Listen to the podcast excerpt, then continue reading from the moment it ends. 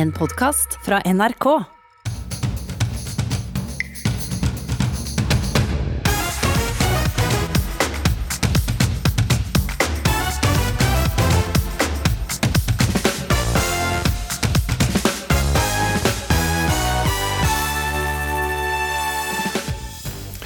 Hun mistet søsteren sin på Utøya.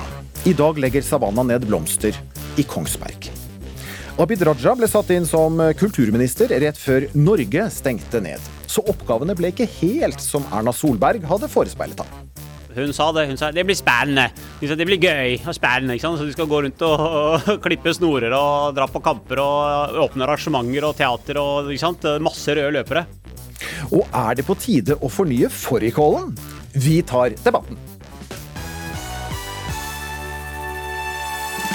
Det har snart gått tre døgn siden det brutale angrepet i Kongsberg. Fem mennesker ble drept og tre skadd da den 37 år gamle gjerningsmannen skjøt rundt seg med pil og bue i gatene. Vi skal til Kongsberg nå, og reporter Gry Veiby, du er i sentrum. Det er lørdag og handledag. Hvordan preges byen av det som har skjedd? Nei, Det er ingen tvil om at det er en by preget av alvor. Jeg har knapt sett et smil de timene jeg har vært der. Går man rundt i byen, så er det tydelig at her har det skjedd noe. Overalt henger det små fargerike lapper med hjerter. Festa på stolper og gjerder hvor det står ord som 'Kongsberg inn i våre hjerter', 'Stå sammen', 'Klem'. Jeg har også vært i gata der drapene skjedde, og det er tydelig hvor tingene har skjedd. I husene er det blomster og lys. Og akkurat nå så står jeg, jeg midt i sentrum, et sted hvor det samler seg folk. Og det har samla seg folk gjennom hele dagen. Foran meg så ser jeg hundrevis av lys og blomster og alvorstunge ansikter som står samla for å prøve å fatte det ubegripelige som har skjedd. Du er også med deg en som har tatt en helt spesiell tur til Kongsberg i dag. Sammen med meg her så står Savanna Svebakk Bøen og tar turen til Kongsberg fra Drammen. Med en helt spesiell historie i bagasjen. 22.07.2011 så var Savanna sju år og mista storesøstera si. Hvorfor var det viktig for deg å komme hit i dag, Savanna? Jeg syns det var viktig å komme hit i dag sammen med familien min, fordi vi står her for å kunne minne uh, de, de, som døde, og familiene deres. Uh, jeg var som sagt jeg var sju år uh, når søstera mi ble drept, og vi ventet fortsatt på bekreftelse fra politiet at søsteren min var død. Som betydde at vi ikke fikk delta i rosetoget, som var overalt i Norge. Så jeg syns det var viktig i dag spesielt at vi får lov til å ta, putte ned noen blomster og noen lapper med beskjeder til familiene uh, om at vi ser dere, at vi støtter dere, at vi tenker alltid på dere. For Du har med deg tre roser i dag med lilla bånd og lilla lapper. og Det er der det står 'Vi tenker på dere en vanskelig tid'. Og, uh, hva vil du si til de nå som venter på klokka to så kommer beskjed på, på, hvem som er drept. Hva vil du si til dem som nå venter på hva skal de gjøre framover? Jeg tenker at uh, det som er viktigst, er at uh, dere holder på familiene deres. At dere holder på deres næreste. At dere vet at hvis dere trenger hjelp, så må, så må dere spørre. At alle tenker på dem, og at alle vil dem vel, spesielt nå. Uh, og at uh, jeg og familien min kommer alltid til å ha en tanke for dem. Hvilke tanker gjorde deg da du hørte om det som hadde skjedd her på Kongsberg? Jeg blei veldig redd, fordi jeg ville, jeg ville ikke at, at, noe, at, noen andre som var min alder, skulle gå gjennom det samme som jeg har gått gjennom. At jeg har mistet en storesøster, eller at noen, et barn eller en familiemedlem skal nå vite at de har mistet sin mamma eller pappa. Eh, eller bestemor eller bestefar. Og det er jo veldig skummelt å vite at eh, det har faktisk skjedd. Eh, så jeg, jeg håper bare at de får nok støtte i de neste kommende ukene, månedene og årene etter. Hvordan er det for deg å stå her i dag, da? Jeg syns det er det minner meg litt om hvordan det var å miste søsteren min. Og jeg håper at eh, dette her er på en måte et tegn på at, eh, at, at alle kommer til å rette tankene sine mot familiene. og ikke tenke på hendelsen, men at vi må være der for familiene og støtte dem. Har du noe råd da, til den som står rundt? Uh, ikke, ikke, ikke, tenk på mannen som gjorde handlingen. Han, han, skal ikke få lov til å stå i lyset. Han skal, bli, han skal bli lagt i skyggen, og vi skal tenke på de som døde, og vi skal tenke på familien deres. Du skal få legge ned rosene, Savanna, i rosehavet her bak oss. Eh, Reidar Aasbø, du er sogneprest. Eh, hva sier du til eh, ordene her fra Savanna om å passe på de som står igjen? Ja, jeg syns det var veldig kloke og fine og gode ord. Og jeg tenker at i den situasjonen så, så er det kanskje det aller viktigste. Nå må vi ta vare på hverandre. Vi har hjelpeapparat og støtteapparat her i byen. Vi har eh, kriseteamet, Kongsberghjelpa vi har Åpen kirke. Vi har, vi har, mange folk som på ulike måter eh, kan bidra til de som sliter litt ekstra. Men det aller viktigste er at vi har en eh, stor by med masse flotte folk som nå må ta vare på hverandre og på, på alle de som, som, på en måte har tunge og vanskelige opplevelser. At vi må liksom slå ekstra ring om de da. Hva har folk hatt behov for så langt? Folk har, har, hatt behov for å Altså noen har hatt behov for å prate og få Noen har hatt behov for litt ekstra hjelp og støtte i den situasjonen. Mange har hatt behov for å komme hit eh, her vi er nå for å legge ned blomster eller tenne lys, og på den måten gi utløp for, for denne sorgen, eller at det angår også dem.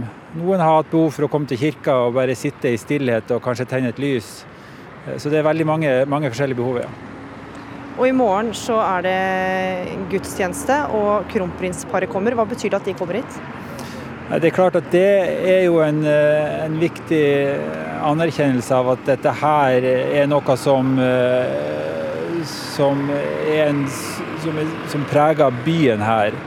Eh, men, men, som også preger egentlig hele landet og hele nasjonen. Altså Dette her er noe som har gått inn på alle, tror jeg ser også hilsener i blomsterhavet her fra andre steder i landet.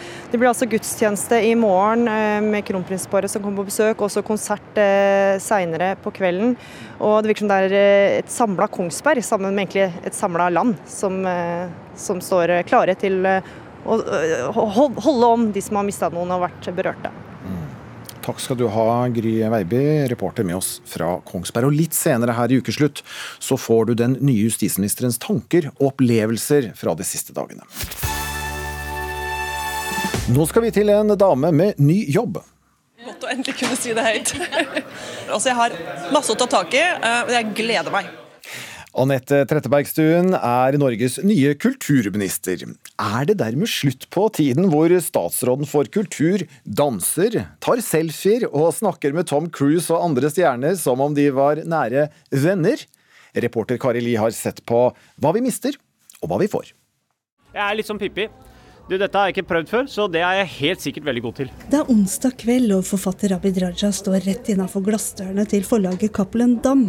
Han er snart klar for å entre scenen. For meg er det et ukjent terreng jeg skal inn i, men det liker jeg faktisk. For 20 måneder siden var jobben som kulturminister også helt ny for Raja og han er fortsatt statsråd. Det eneste jeg skal gjøre i morgen, er å dukke opp hos kongen klokka ti og si ha det bra, og så gi nøkkelen til de nye som kommer på kontoret på, ja, utpå ettermiddagen en gang. Raja har følgende råd til hans rød-grønne etterfølger. Det denne sektoren nå trenger, er optimisme eh, og entusiasme. Så jeg håper den nye kulturministeren holder tempoet oppe, eh, slik at kultursektoren får maksimalt ut av det man lager og produserer, til det glede for store og små. For Raja ble ministerjobben på ingen måte den morsomme statsrådposten han ble forespeila av Erna Solberg. Ja, hun sa det. Hun sa det blir spennende. Det blir gøy og spennende. ikke sant? Så Du skal gå rundt og, og, klippe snorer og dra på kamper og åpne arrangementer og teater og ikke sant? masse røde løpere. Men eh, det var jo bare fem uker. Det, første, det største jeg rakk, var jo Halvdan Syvertsens 70-årsdag eh, på Spektrum. Og så gikk det jo fem uker, så stengte de jo rett og slett ned. Det var jo ingenting som skjedde. Og, et par uker siden så åpnet jo opp hele Norge, eh, og nå er min tid omme. Så jeg har jo vært egentlig krisetidsminister. Krise og nedstenging, ja. Men kulturminister Abid Raja gir ikke alltid det inntrykket. Fredag fikk vi en ny kulturminister, Abid Raja fra Venstre. God morgen og velkommen. Ja, det er helt utrolig. Som nyinnsatt kulturminister ville han helst synge i Nyhetsmorgen. Ja, det, det, var morsommere hvis du hadde spurt meg Bad Boys, for jeg hadde tenkt å synge den Bad Boys-sangen, for barna mine tvang meg til å gå og se den. Da hadde jeg tenkt å si Bad Boys, Bad Boys, what you gonna do? Who, who is this? This is Tom da Tom Cruise ringte, lot kulturminister Raja hele Norge høre på. Tom Cruise, my God. We have we, we have one thing in common, you know. Uh, we both been hanging from the Prekestolen, you know. Been hanging from that? Yeah. Og for tre uker siden, da samfunnet åpna igjen, var Raja blant de første ute på dansegulvet. Jeg har med meg bestevenninna mi for å danse med. Det er så gøy! Og kona har tatt menisken, så kona kan ikke danse. Så jeg har med bestevenninna mi, så vi skal, vi skal slå oss løs på dansegulvet her. Roll over, baby.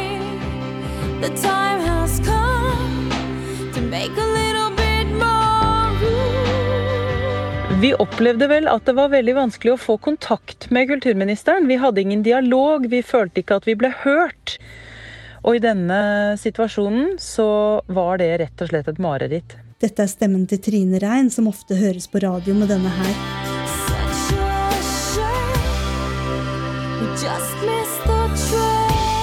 Under pandemien har Trine Rein flere ganger kritisert Raja for å være mer opptatt av å underholde selv enn å redde dem som lever av å underholde. Ja, eh, jeg har nå stusset litt på det at han ikke har rådgivere som eh, påpeker at han kanskje burde tone sin egen personlighet litt ned når eh, den bransjen han er ansvarlig for, står i sin største krise noensinne. Men og bare det at han har brukt tid på å forfatte en, sin egen bok, som han også benytter enhver anledning til å forsøke å selge som kulturminister, det, det har overrasket meg at ingen setter ned foten der. Så vi ønsker jo en ny kulturminister hjertelig velkommen. Mer enn hjertelig velkommen. Jeg har brukt alle musklene i kroppen og alle politiske knep for å få til de over 10 milliardene i krisestøtte. Det kommer jeg til å skrive en eller annen bok om på et eller annet tidspunkt, så vil folk skjønne hvor, hvor harde kampene har vært. Eh, men jeg har ikke gitt meg før jeg har fått på plass pengene. Abid Raja skal snart overlate ministerjobben til en annen han har fått hard kritikk av. Hei, hei. Hvem skal jeg signere til, da? Signer til Ingunn, du. Men nå er han mest opptatt av å signere selvbiografien for fans. Ingunn, én eller to ender? Eh, to til slutt. To til slutt, ja. ja. Lykke til med fremtiden. Tusen takk. Ja. Jeg skal jo tilbake til Stortinget, så det blir jo, jeg skal jobbe med noe praktisk der også. Ja, jeg setter virkelig stor pris på folk som byr på seg selv når de er i politikken. og ja, da føler vi at vi kjenner dem litt, og det er ikke bare masse paragrafer og vedtak. Og, ja. Så det, håper etterfølgeren blir like fin. Gratulerer så mye med ny jobb. Tusen takk. Det er blitt torsdag, og Ukeslutt har fått tre minutter med Norges nye kulturminister Anette Trettebergstuen.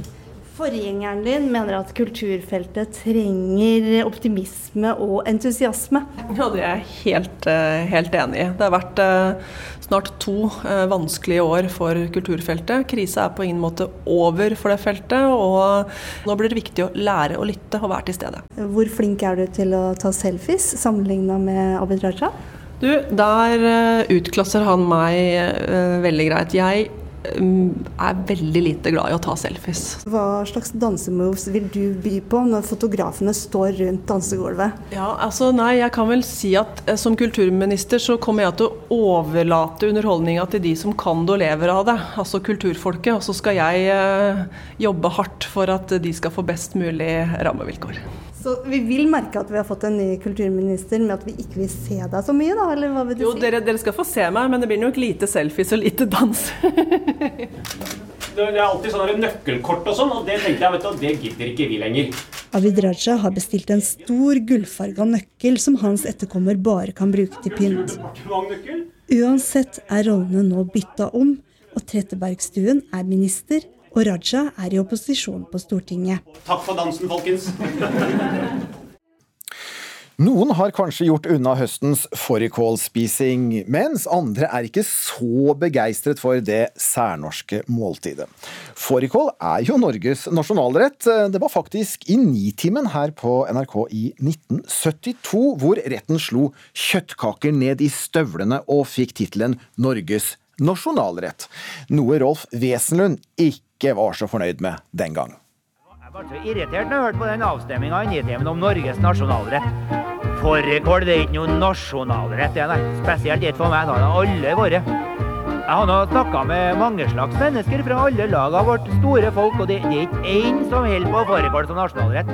Alle som en sier at nasjonalretten, det er Ja, Rolf Wesenlunds frustrasjon over at fårikål er Norges eh, nasjonalrett eh, i sin låt 'Kjøttpolka' ser ut til å være forgjeves, for i 2014 så understreket også regjeringen eh, tittelen av daværende matminister Sylvi Listhaug. Ifølge en undersøkelse da utført av Ipsos MMI, så svarte hele 45% at fårikål må væres Norges nasjonalrett. Senere i sendingen så skal vi diskutere om det likevel er på tide at retten får en oppussing i form av nye krydder og tilbehør. Men frem til da så vil vi høre fra dere lyttere i form av en avstemning. Og det er bare å finne frem mobiltelefon og NRKs radioapp. Og spørsmålet er bør fårikålen piffes opp med flere ingredienser? Du kan gi din stemme på NRKs radioapp på din mobiltelefon. Last ned eh, hvis du ikke har den, og så blar du deg frem til ukeslutt helt øverst i bildet. Trykk på ukeslutt, og trykk på et av de tre svaralternativene. Synes du fårikålretten bør piffes opp, altså fornyes, lurer vi på i dag. For to dager siden var det regjeringsskifte her i landet. På Slottsplassen mottok våre nye statsråder blomster, og de fikk tildelt sine nye kontorer. En av dem er deg, justisminister Emilie Enger Mehl. Velkommen. Tusen takk. Du ble den yngste statsråden med den tøffeste starten. Ta oss med til dagen før regjeringsskiftet, da du som kommende justisminister fikk melding om angrepet i Kongsberg. Hva gikk gjennom ditt hode da? Nei, først så jeg jo dette i mediene, som alle andre, og tenkte at dette er brutalt. Og at det, det slo meg som en sak som, som, så ut til å være noe større da, enn det, det alle, de aller første meldingene som kom. Og så gikk det jo ikke så lang tid før jeg ble også informert eh, av eh, statsminister Støre, eh, som, som, på det tidspunktet skulle tre til dagen etter, om, om alvorligheten i dette her. Og, og vi ble holdt løpende orientert gjennom kvelden av, av den avtroppende regjeringa. Ja, det var jo veldig spesielt, men det var jo også en, en opplevelse av at altså Jeg er veldig innforstått med at kriser det kan skje når som helst. Dette her viser jo det eh, veldig tydelig. Og det var jo et ansvar som jeg var veldig forberedt på å ta på meg. Hvordan sov du den natten?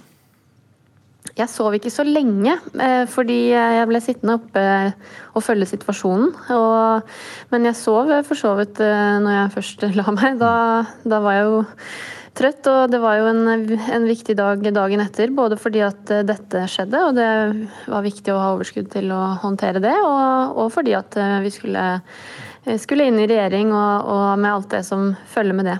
Mm. Ja, For dagen etter så skulle det være altså, en gledelig høytidsdag for deg med blomster og nøkkeloverrekkelser. Det ble det jo også, men altså med et dystert bakteppe.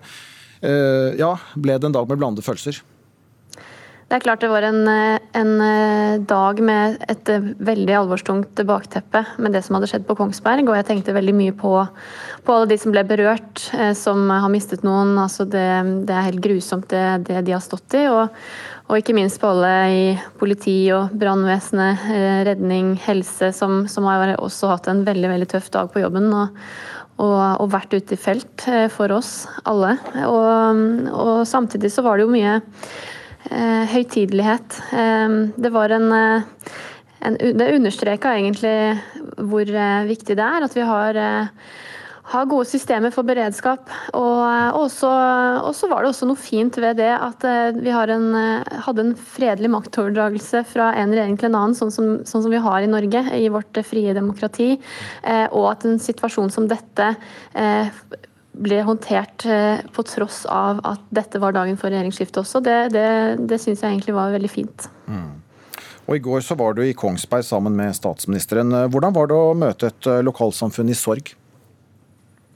Det var utrolig sterkt å være i Kongsberg. og både se det samholdet som, som byen og, og, de menneskene som er der, har nå i etterkant av tragedien. Eh, og også hvor mye dette har gått inn på alle som har stått i hendelsen. Enten, eh, enten de som har eh, vært involvert i arbeidet, de som har mistet noen, de som, de som rett og slett har fått dette inn helt nærmest tilfeldig inn i, i sin hverdag. Um, og det var, viktig, det var, en viktig tur uh, for meg og, og for statsministeren.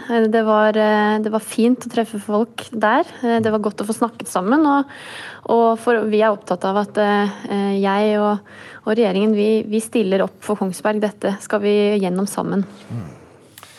PST har bekreftet at de kjente til drapsmannen og har fått eh, flere tips, og, helsevesenet har vært varslet av politiet. Hva må gjøres for at mennesker som helsevesenet ikke vil ha eller har kapasitet til å ta seg av, og som vurderes som for syke til å bli prioritert av politiet, eh, faktisk blir tatt hånd om? Nå er jo dette fortsatt en sak som, som er forholdsvis fersk, eh, og jeg tror det går mer og mer opp for folk Eh, ja, grusomheten i det som har skjedd. Eh, jo mer informasjon som kommer og det synker inn. Og så må vi komme tilbake til hva vi kan lære her på et senere tidspunkt. Men det som er viktig, eh, det er jo at vi har, har, har et samfunn hvor vi ser hverandre, hvor vi inkluderer hverandre, hvor vi Eh, hindrer utenforskap. Det, det, er jo både eh, ansvaret for regjeringen og, for oss alle som medmennesker. Eh, og vi, vi er nødt til å ha, ha en kriminalomsorg f.eks. Som, som kan hjelpe folk til å bli bedre mennesker og, og, og, og takle vanskelige utfordringer man har i livet sitt. Da. Ikke bare straffe. Og Det samme gjelder jo, altså det er jo et viktig samarbeid der mellom, mellom helse- og justissektoren som, som vi vil følge opp. Mm. Vi lar den eh, forferdelige hendelsen i Kongsberg ligge denne omgang. Vi, vi, det blir et litt brått sceneskifte her. Vi hadde da tenkt å spille musikk imellom. Du ble brutt, så vi fikk ikke det helt til som ønsket. Mhm. Håper, håper det går bra for det, Emilie. Vi vil bli litt bedre kjent med deg også som ny justisminister. For eh, mange ble jo kjent med deg for seks år siden, eh, da du var med i programmet Anno fra Bryggen i Bergen. Et reality-program som du faktisk vant. Eh, hvordan var det den gangen? Den erfaringen jeg har med fra Anno, det, det, var jo en opplevelse. Det er jo ikke alle forunt å få lov til å reise tilbake i tid. og det var, eh, det var fin, eh, et veldig fint program som, som, jeg lærte mye av. Og på linje med Jeg tror det er veldig klokt å lære av ting man opplever i livet, enten det er det eller eller det er vanskelige ting eh, i privatlivet eller ting man, eh, man erfarer. F.eks. Eh, for, for min del som, som, jurist eller i arbeidslivet. Så, så, er det lurt å lære av det og ta med seg de gode tingene videre. Og, og det var mye å hente fra Anno. Ja, og du er på en måte en vinner igjen som ny statsråd. Hva konkret tar du med deg, da? Det var jo en Jeg tror det blir viktig for meg å være, jeg føler meg trygg. Eh, I anno så, og i, i, livet ellers så, så, tenker jeg at det er viktig å løse en oppgave av gangen. Eh, fokusere på, på, det man står til enhver tid, for at man skal klare å, å gjøre en god jobb. Og det, det, er viktig å ha en trygghet i seg selv. Eh, det blir helt sikkert nok av stormer og, og vanskelige situasjoner å, å, å håndtere. Og da, da, må man stole på seg selv. og og selvfølgelig lytte til, til, gode råd og konstruktive innspill fra de rundt seg. Eh, men, eh, men det, er, det, er, viktig. Mm. Du er jo siden eh, blitt, som du nevnte, jurist. Du har jobbet som advokatfullmektig. De fire siste årene så har du sittet på Stortinget for Senterpartiet. Men i valgkampen så valgte du på nytt å gå inn i reality og ble med på innspilling av Kompani Lauritzen. Denne sesongen er jo ikke vist ennå, og um, jeg vet du ikke har lov til å spoile noe her, men, men, men, men, hvordan tror du det blir for folk å se deg som justisminister i debatter på Dagsnytt 18 og som menig på TV 2? Det tror jeg egentlig blir fint. Det er eh, godt eh, å vite at eh, folk som er engasjert i samfunnet og engasjert i politikk, er, vi er mennesker vi også. Og det blir to forskjellige sider av meg, men, men jeg tror det er sunt at, at folk får, får se, se, menneskene som, som, skal representere dem i demokratiet på flere måter. Så, så det gleder jeg meg til. Ja. Hva, hva, hva, får de se, da?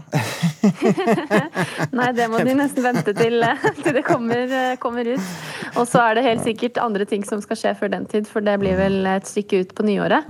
Men uh, dette uh, Det er kanskje første gang det har uh, vært et sånn type sammentreff, men det, det, tar jeg Det syns jeg bare er Det er jeg veldig stolt av at jeg den innsatsen jeg gjorde på eh, Kompani Lauritzen, og er veldig glad for at jeg fikk, fikk mulighet til å, til å, få de erfaringene eh, jeg har med meg derfra også. Mm. Jeg, jeg, kunne ikke dy meg med å prøve meg her, Emilie. er du et konkurransemenneske? Jeg eh, syns det er Jeg trives med utfordringer. Og jeg trives med å ta ansvar, og det, det er eh, viktig å bare løse de oppgavene man, man blir gitt. Eh, gå inn i det og være fokusert på det. Eh, så, så får man til mye. Det, det, er vel sånn jeg vil beskrive meg selv. Du er 28 år og dermed tidenes yngste justisminister. Opplever du at din unge alder brukes mot deg?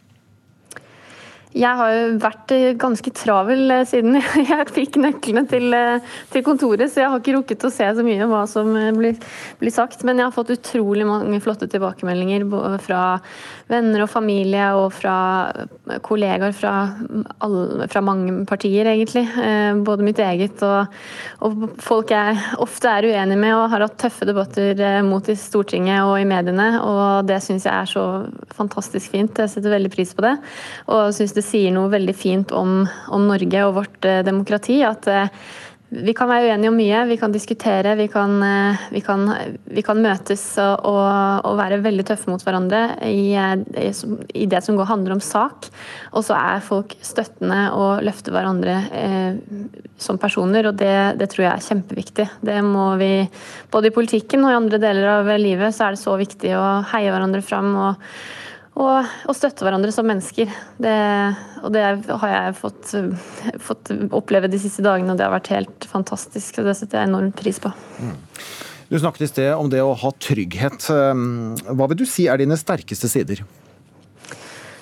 Jeg eh, Folk får, eh, får, se hva, får, se meg i denne rollen her, og så får de bedømme etter hvert uh, hva de mener er mine sterke sider. Men, uh, men jeg er klar for, eh, for, det ansvaret som jeg har fått. Og, og, jeg fikk jo en enorm tillit når jeg ble spurt eh, av statsministeren og finansministeren om, å, om, å, om jeg ville være justis- og beredskapsminister. Eh, det ser jeg på som en stor ære, og, og tar det som en jobb. Det er, det er en oppgave som skal løses.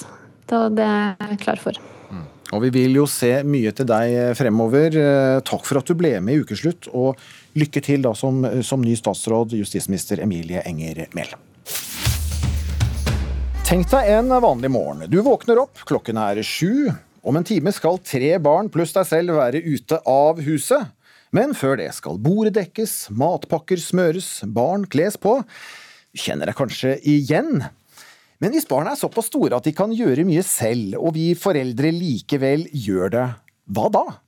Vi dro ut på gata for å spørre folk om vi syr for mye puter under armene på barna våre. Det kommer jo litt an på alder, da. Ja. Og, og, og, hvordan man hjelper til og alt det der. Men altså, ja. Det, det er veldig mange mammaer og pappaer som passer eh, veldig godt på. Men har du møtt mange 15-åringer som kan koke poteter? Eh, nei, i grunnen ikke. Men de er flinke på mikro. Det kunne sønnen min. Han var rågod til å lage mat. ja, han var det, ja, ja, ja, ja. Som barn elsket å vaske gulv. Ja, det ser du godt oppdratt. Ja. jeg er 16. 16-17. Ja, men føler at dere liksom kan det man kunne forvente av 16-åringer? Er dere litt late? Jeg kan det som må forventes, men jeg er også lat. Ja, ja jeg er en god miks. Jeg, jeg, si jeg, kan starte vaskemaskinen og oppvaskmaskinen og sånn, liksom. Mamma gjør det, men jeg kan gjøre det. Ja, Utnytter dere mamsen? Nei, hun bare gjør det. Du utnytter det litt. Det Nei, fordi hun tar ansvaret. Hvis jeg trenger å være selvstendig, så kjør på. Sure. Men akkurat nå så kan jeg bare nyte å legge meg tilbake når alt servert på sølvfat. Ja, ja, så Du ringer på mobilen og sier 'nå er jeg er tørst. 'Pappa, voff, voff, hent litt cola'. Ja, pappa må ringe og si 'nå må du komme ned og drikke noe'. Eh, Jeg tror det er helt naturlig for alle generasjoner å tenke at Uh, eh, nåtidens barn kanskje er litt bortskjemte. Vi er bortskjemte, men hvis det gjelder, så er vi nyttige også. Hmm. Ja, det var vår reporter Synnøve Svabe som hadde vært ute og snakket med folk. Og Margaret eh, Hagerup, du er stortingsrepresentant for Høyre, men også mor. Hvordan er en vanlig morgen normalt eh, hos deg? Nei, altså En vanlig morgen den starter jo med at vekkerklokka ringer, og så tenker jeg oi, da er det bare å hive seg opp med en gang og ikke tenke på det. Og så prøve å vekke unger i varierende grad eh, i de ulike etasjene. Samtidig som jeg begynner å planlegge frokostlagingen. Det er matpakker som skal pakkes. Ofte en matboks eller to som ikke er vasket fra dagen før, og kanskje òg ligger i sekken. Og så begynner vi med dette her. Ungene kommer, vi begynner med frokost, vi begynner å smøre matpakke. Og så finner en ut at kanskje mangler det litt strøm på en iPad òg, og kanskje to òg hvis du er uheldig. Så det er et rotterace, som jeg pleier å si. å få komme seg ut dørene. Og dette må, og dette må mor gjøre. Og, og, og, nå har du fått nok. Du har skrevet en ytring som ligger på NRKs eh, nettsider. Du mener at vi foreldre gjør så mye for barna våre at vi risikerer å mislykkes i å forme dugende mennesker for fremtiden. Hva legger du i det? Ja, altså, Jeg har vært på så mange besøk som politiker de siste fire årene og snakket med både lærere og bedriftsledere. Og alle har snakket om en sånn endring i barnegenerasjonen og foreldregenerasjonen. Der vi foreldre blir beskyldt for å kanskje gjøre litt for mye og ha for store forventninger til lærerne. Så tenker jeg dette er jo litt skremmende med tanke på at dette skal bli fremtidige arbeidstakere i dagens arbeidsliv. Og så har jeg gått hjem og så har jeg fortsatt å skufle ting foran barna mine og kjøre de til fritidsaktiviteter og smøre maten til de og tenkt at dette må jeg rydde opp i. Og så tenkte jeg nå er det på tide å ta et oppgjør med meg sjøl og kanskje være litt sånn eh, sjølkritiske til hva jeg faktisk holder på med. Rett og slett sette deg litt selv i speilet. Um, artist Jenny Jensen, du kaller deg servemor, eller husets room service. Ja.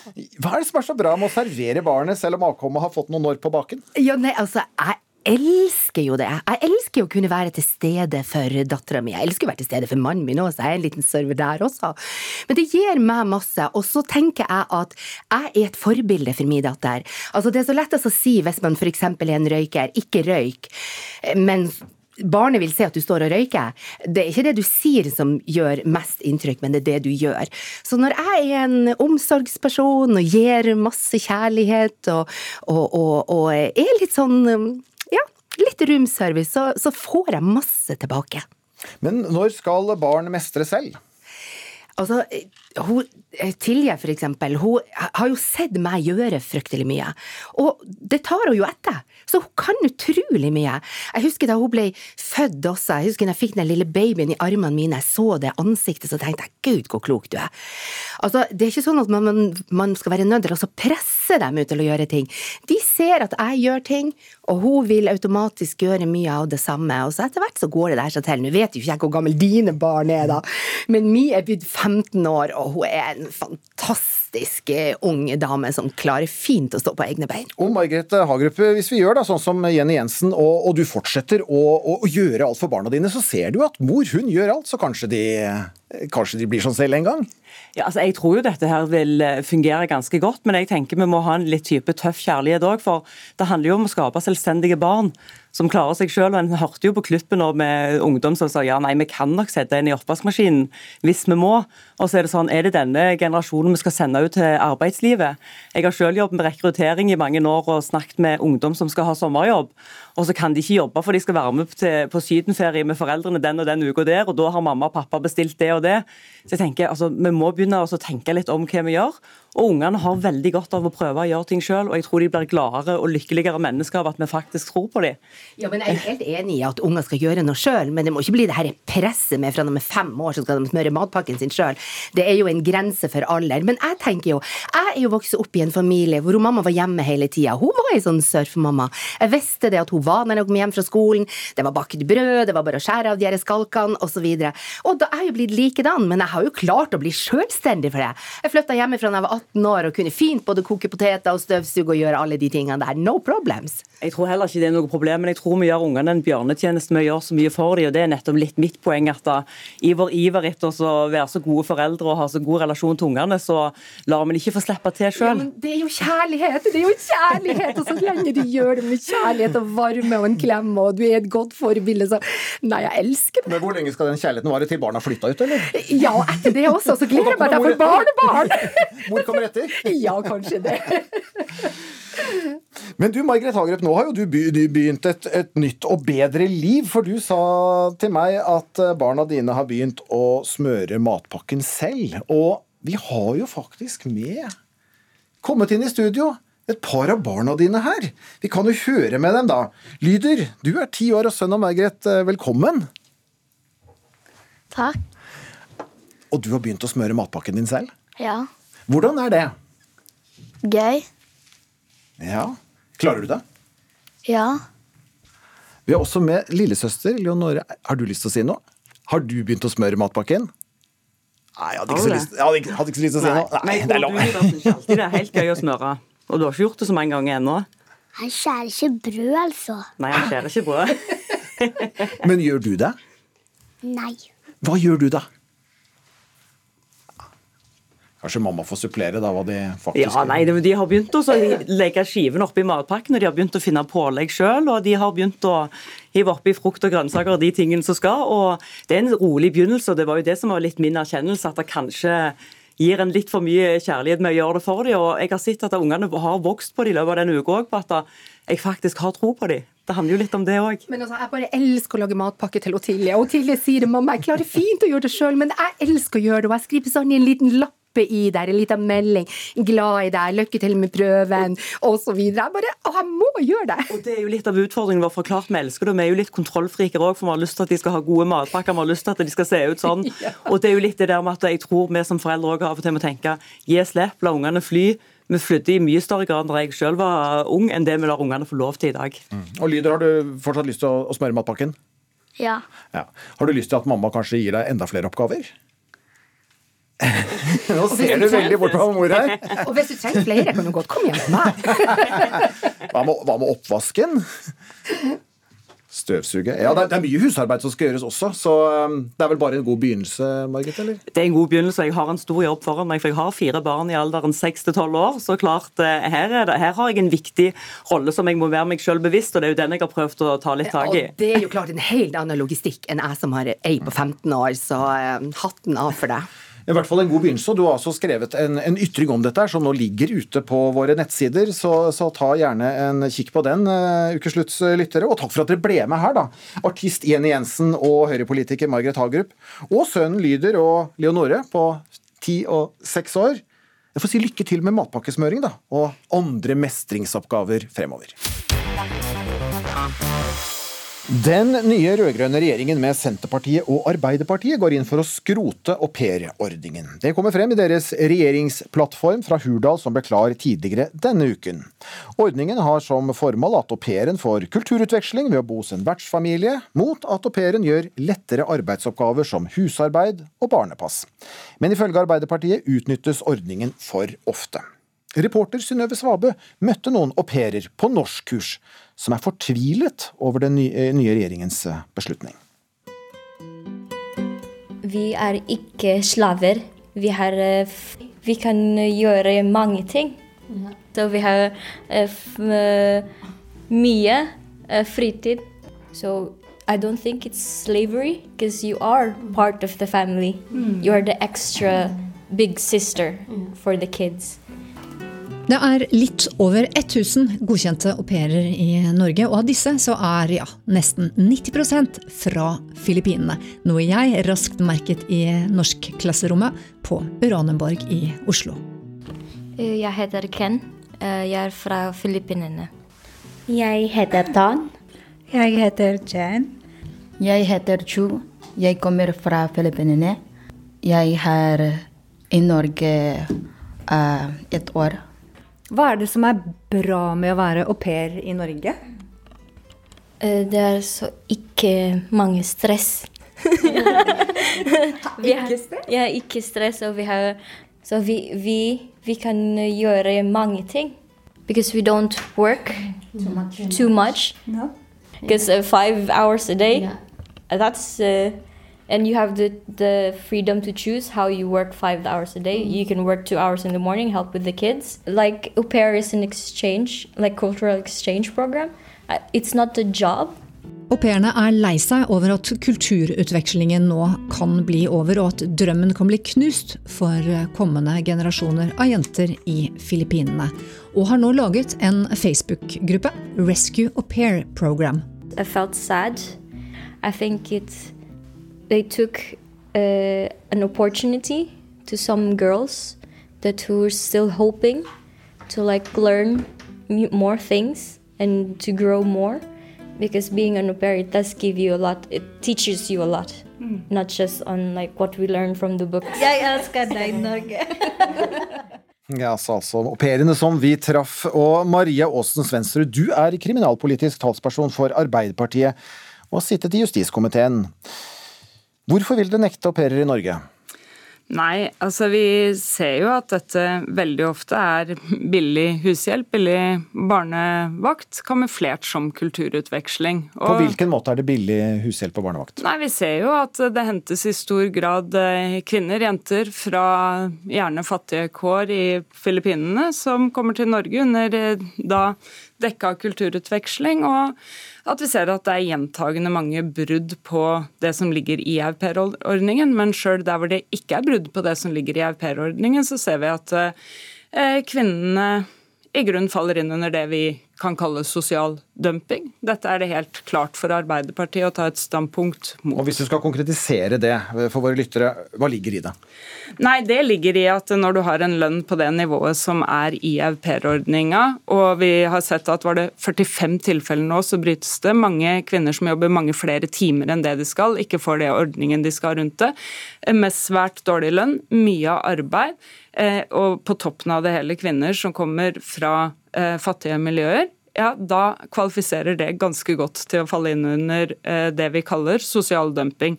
Eh, og så er det kamuflert som kulturutveksling.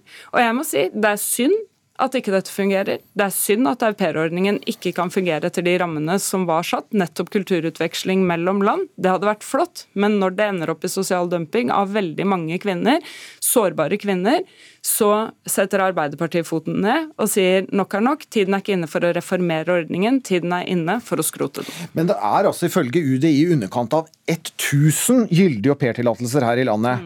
Altså Hvorfor skal alle au pairer og vertsfamilier nektes en slik ordning fordi noen få overholder, ikke overholder reglene? Og, og I fjor så var det altså 45 personer fra vertsfamilier som ble utestengt. Mm. Og La oss si at det var en annen bedrift hvor du hadde 1092 ansatte, sånn som det var i aupairordningen eh, i, i 2021 i Norge. Og så er det altså I 45 av tilfellene så brytes regelverket. Enten regelverket til in, eh, altså bedriften, eller rett og slett arbeidsmiljøloven, lønn, arbeidsforhold, alle disse tingene her. Og i, andre, i enkelte tilfeller så er det faktisk også grov utnyttelse som kan ligne på menneskehandel og direkte sosial dumping. Hvis vi hadde et sånt selskap hvor vi hadde i overkant av 1000, 45 stykker var utsatt for dette, da hadde vi ikke sett gjennom fingrene på det. Det er svært alvorlig, og det er ikke gjenkjennbart i den norske modellen og i det norske samfunnet. Natalia Ravn Christensen, du leder Energy Au Pair, som er et formidlingsbyrå for mennesker rundt om i verden som ønsker å komme til en norsk vertsfamilie. Og du reagerer sterkt på at regjeringen vil forby aupairordningen, og kaller det diskriminering. Hvorfor det? Ja, jeg er helt uenig med at ordningen blir i så stor grad diskriminert, misbrukt. Det kommer jeg senere på. Men jeg syns at det, det er usolidarisk, det er udemokratisk, det er diskriminerende å utestenge unge folk til å komme til, å komme til Norge. Det er egentlig paradoksalt å sier vi vil hjelpe dere, vi vil ikke la dere komme inn. Og det er veldig paradoksalt at det er sosialistisk parti, altså hvis det var Frp som sa ok, vi vil ikke ha disse folk utlendinger hit, så var det forståelig, men det er sosialistisk parti som burde være solidarisk. De sier at, uh, at, vi vil hjelpe dere. Det er misforstått snillisme å si at de ikke, uh, at de ikke skal komme. Og jeg kan bare si at uh, altså en, europei, min datter for eksempel, en europeisk filippinsk person kan reise overalt. Hun kan reise, men hvis vi stenger for filippinske eller ukrainske folk å komme hit, så er det diskriminering, for de kan ikke komme hit.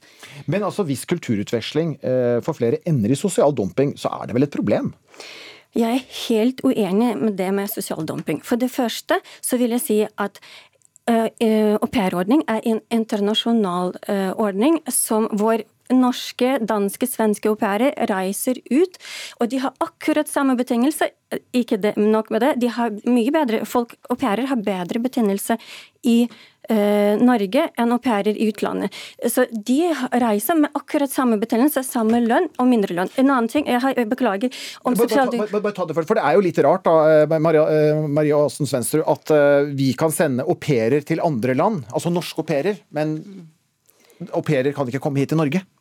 Nei, vet du hva, Om det er au som reiser fra Norge til andre land, hvor arbeidsmiljøloven eller rettighetene til en som arbeidstaker blir brutt, eller lønn, eh, lønnsområdet ikke kvalifiserer, eller man er utnyttet i arbeidsstillingen sin, så vil vi selvfølgelig reagere på det også.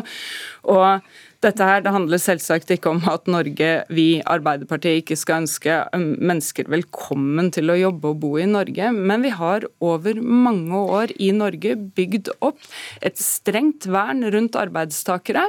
Det ser vi brytes gjennom aupairordningen. Vi ser det foregår utnyttelse av sårbare mennesker. Da er det Arbeiderpartiets plikt og mulighet til å sette foten ned og si at denne ordningen den er ikke god for folk. Eh, beklager. Eh, jeg ble ikke ferdig med sosial dumping, for jeg har ikke svart på spørsmålet ennå. Eh, hvis du tar en person som er au pair, de får mat. De får, de får ikke bare lommepenger på 5900.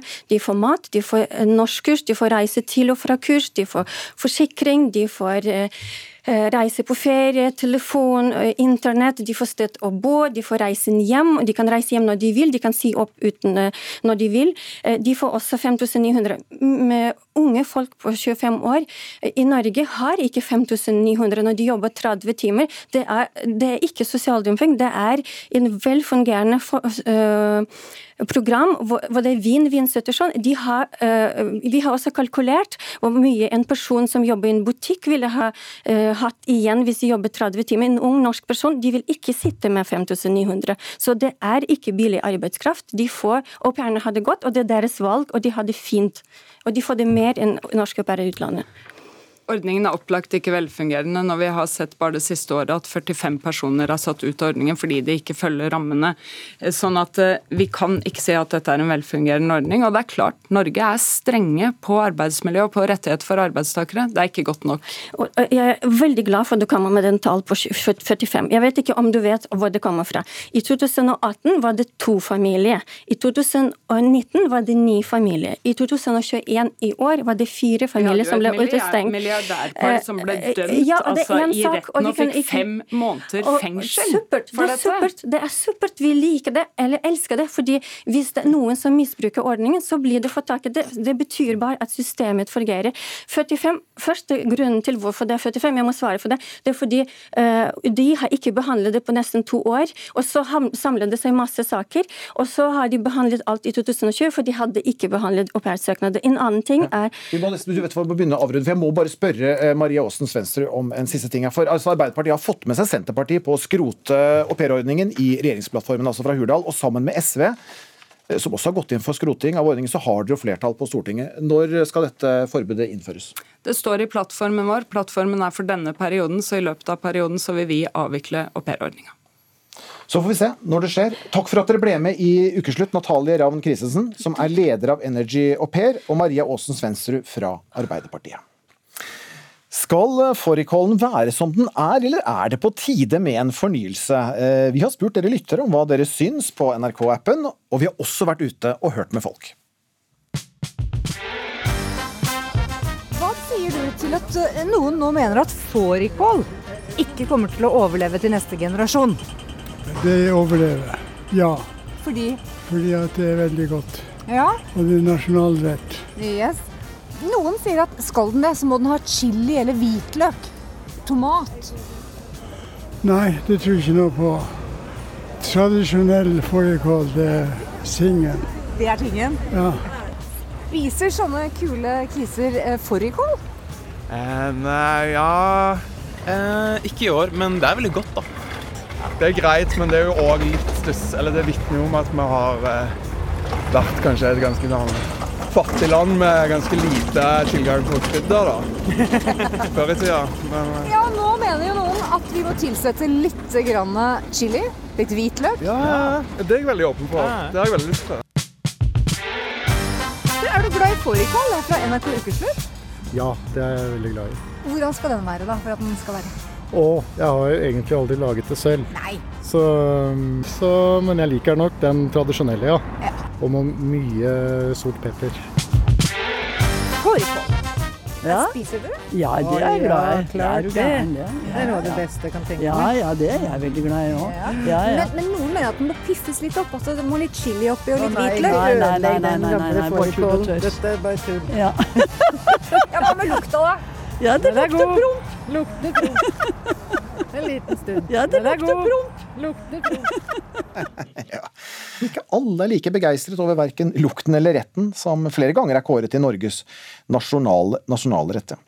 Skal fårikålen fortsatt være nasjonalrett om 50 år, så trenger den å bli jazzet opp og modernisert. Eh, Det skriver debattredaktøren i Avisa Oslo denne uken. Han er ikke med oss her, men det er du, Anders Bråten. Eh, Du var med å starte den tradisjonsrike restauranten Smalhans i Oslo, og så er du kokk. Og du er enig i at fårikålen eh, med fordel den kan piffes opp. På hvilken måte?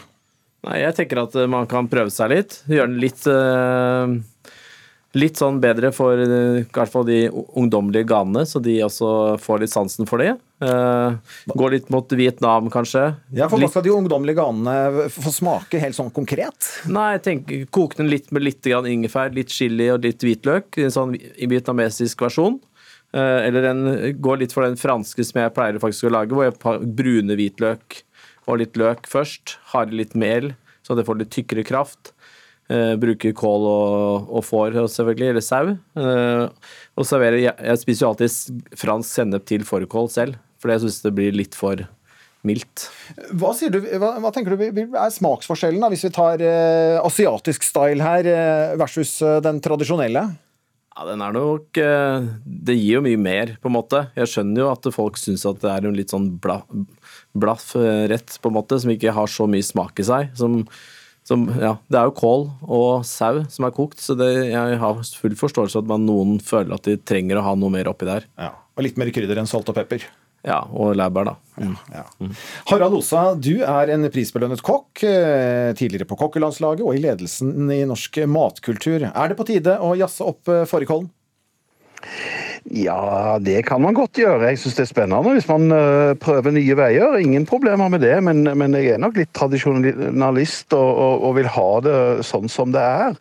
Eh, så tenker jeg at fårikålen endrer seg med, med, med tiden uansett. Altså Hvis vi spoler øh, 30-40 år tilbake, så var jo fårikålen helt annerledes. Da var den lagd på fårekjøtt, det var masse fett i, du hadde et tjukt fettlokk. øh, altså Selve retten var totalt annerledes. og Hadde du bydd på det i dag, så tror jeg ingen hadde ville spist det, rett og slett. For det er for fett. ikke sant? I dag lages det på lam, er magrere og alt det. Så, så, så matkultur og retter de forandrer seg eh, gjennom tidene. Med råvarer, med, med preferanser hos eh, forbrukeren. Men eh, jeg er nok litt Jeg vil ha den gode gamle fårikålen. Det, det må jeg si. Og den er det jo utrolig mye smak i. Hvis, hvis kålen får kokt lenge nok, gjerne lage fårikålen dagen før og masse pepper i, så, så, så er jo ikke fårikål en tam rett, for å si det forsiktig. Det er jo kraftig og masse, masse smak. Men hvis vi eh, tar litt mer enn pepper og salt da, og går til mer asiatisk stil og putter eh, ingefær, eh, hvitløk og chili f.eks. oppi, eh, hva da? Nei, For meg er det helt greit. Jeg syns det er morsomt at man eksperimenterer. Jeg ville ikke gjort det sjøl. Jeg er en voksen mann og vil ha fårikålen sånn som jeg er vokst opp med. med Men Vil du like det, eller hva, er det, er det, altså, hva tenker du? Er det, er det, er det en ålreit smak? Eller, Ja, eller- ja, for all del. Jeg, jeg syns det er kult å, å prøve. Jeg har jo selv eh, prøvd uh, fårikål med, med både hvitløk og chili, og for all del, uh, det blir kult, det. Uh, men for meg er det ikke helt fårikål. Men uh, helt greit. Mm. Og Anders Bråten på Smalhans, som du jo driver, altså en av dine restauranter, så holder dere jo for så vidt måltidet tradisjonelt. Hvordan hadde gjestene reagert, tror du, hvis de plutselig kjente chili i, i fårikålretten? Nei, Jeg kan jo tenke meg at noen av de yngre kokkene kunne tenke seg å prøve seg på det ett år. Men jeg har jo også å si til at vi må kjøre den litt tradisjonelle versjonen. Men jeg vet ikke, vi har jo både og mennesker der. Men jeg tror nok hovedandelen ville sagt at det her er ikke fårikål. Uh, ja. Tør dere prøve? Ja, men ikke på fårikåldagen. Nei, for hva skjer da? Nei, Da får vi jo forelegg, eh, mest sannsynlig. Åh. Men vi, vi, klarte også en gang utenom. da Vi hadde besøk av en japansk kokk som lagde da en okonomiyaki, en eh, kålpannekake fra Japan med fårikål. Forelegg, hvem er det som gjør det da? Nei, det er vel kjøttindustrien. Uh, Mm. Det på, ja, men det er selveste fårikåldagen. Men utover det ja. så kunne dere faktisk eh, ha gjort det. Og, ja, og vi burde gjort det, tenker ja, jeg. Hvorfor gjør dere ikke det? Nei, det, det skal jeg ta med, ta med, videre, tror jeg. Men da kommer kanskje ikke du og spiser da, Harald Osa på, på Smallands hvis det er uh, fårikål à la chili og hvitløk, eller? Jo, det kunne jeg godt gjort, men jeg, men jeg syns jo, jo, man skal ta vare på tradisjonene. Når det heter fårikål, så skal det være fårikål. Og hvis man putter chili og hvitløk og ingefær og, og, og, og, alt mulig godsaker oppi, så kan man jo kalle det trenger ikke kalle det fårikål, man kan jo kalle det lammegryte med får og chili og Altså, man kan jo ikke Trenger ikke akkurat sparke på tradisjonene. Vi har hatt en eh, avstemning blant ukesluttslyttere om vi bør gjøre noe med fårikålen. Eh, ja, er dere spente på resultatet her? Veldig. ja. Kom igjen. Ja, for vi spurte nemlig bør fårikålen piffes opp med flere ingredienser. Og uh, ukesluttslyttere, dere har altså svart følgende. På uh, spørsmål én nei, fårikål er fårikål, ikke noe annet, svarer 78 ja, fårikål smaker for kjedelig, svarer 12% Mens nummer tre, bryr meg ikke, kommer aldri til å like fårikål uansett, og bare 9% Hva tenker du om eh, resultatet her? Nei, det er jo Jeg er jo jeg er overraska. Jeg tenker at eh, jeg hadde trodd at det skulle være lavere. Eh, men i forhold til det jeg leste Det tradisjonelle? Ja, at folk eh... At vi er litt for tradisjonelle her? Ja, ja, ja. jeg er veldig overraska. Jeg, jeg, må jo si at jeg savner lukten av fårikål i trappeoppgangene. Jeg syns det lukter for lite mat i trappeoppganger i Norge i dag. Lukter litt promp av den, da. Ja, men... Uh... Ukeslutt lyttere går for uh, tradisjon her. Uh, takk for at dere ble med, uh, kokkene Anders Bråten og Harald Osa. Ansvarlig Kristine Alstad, teknisk ansvarlig Hilde Tosterud. Jeg heter Vidar Sem.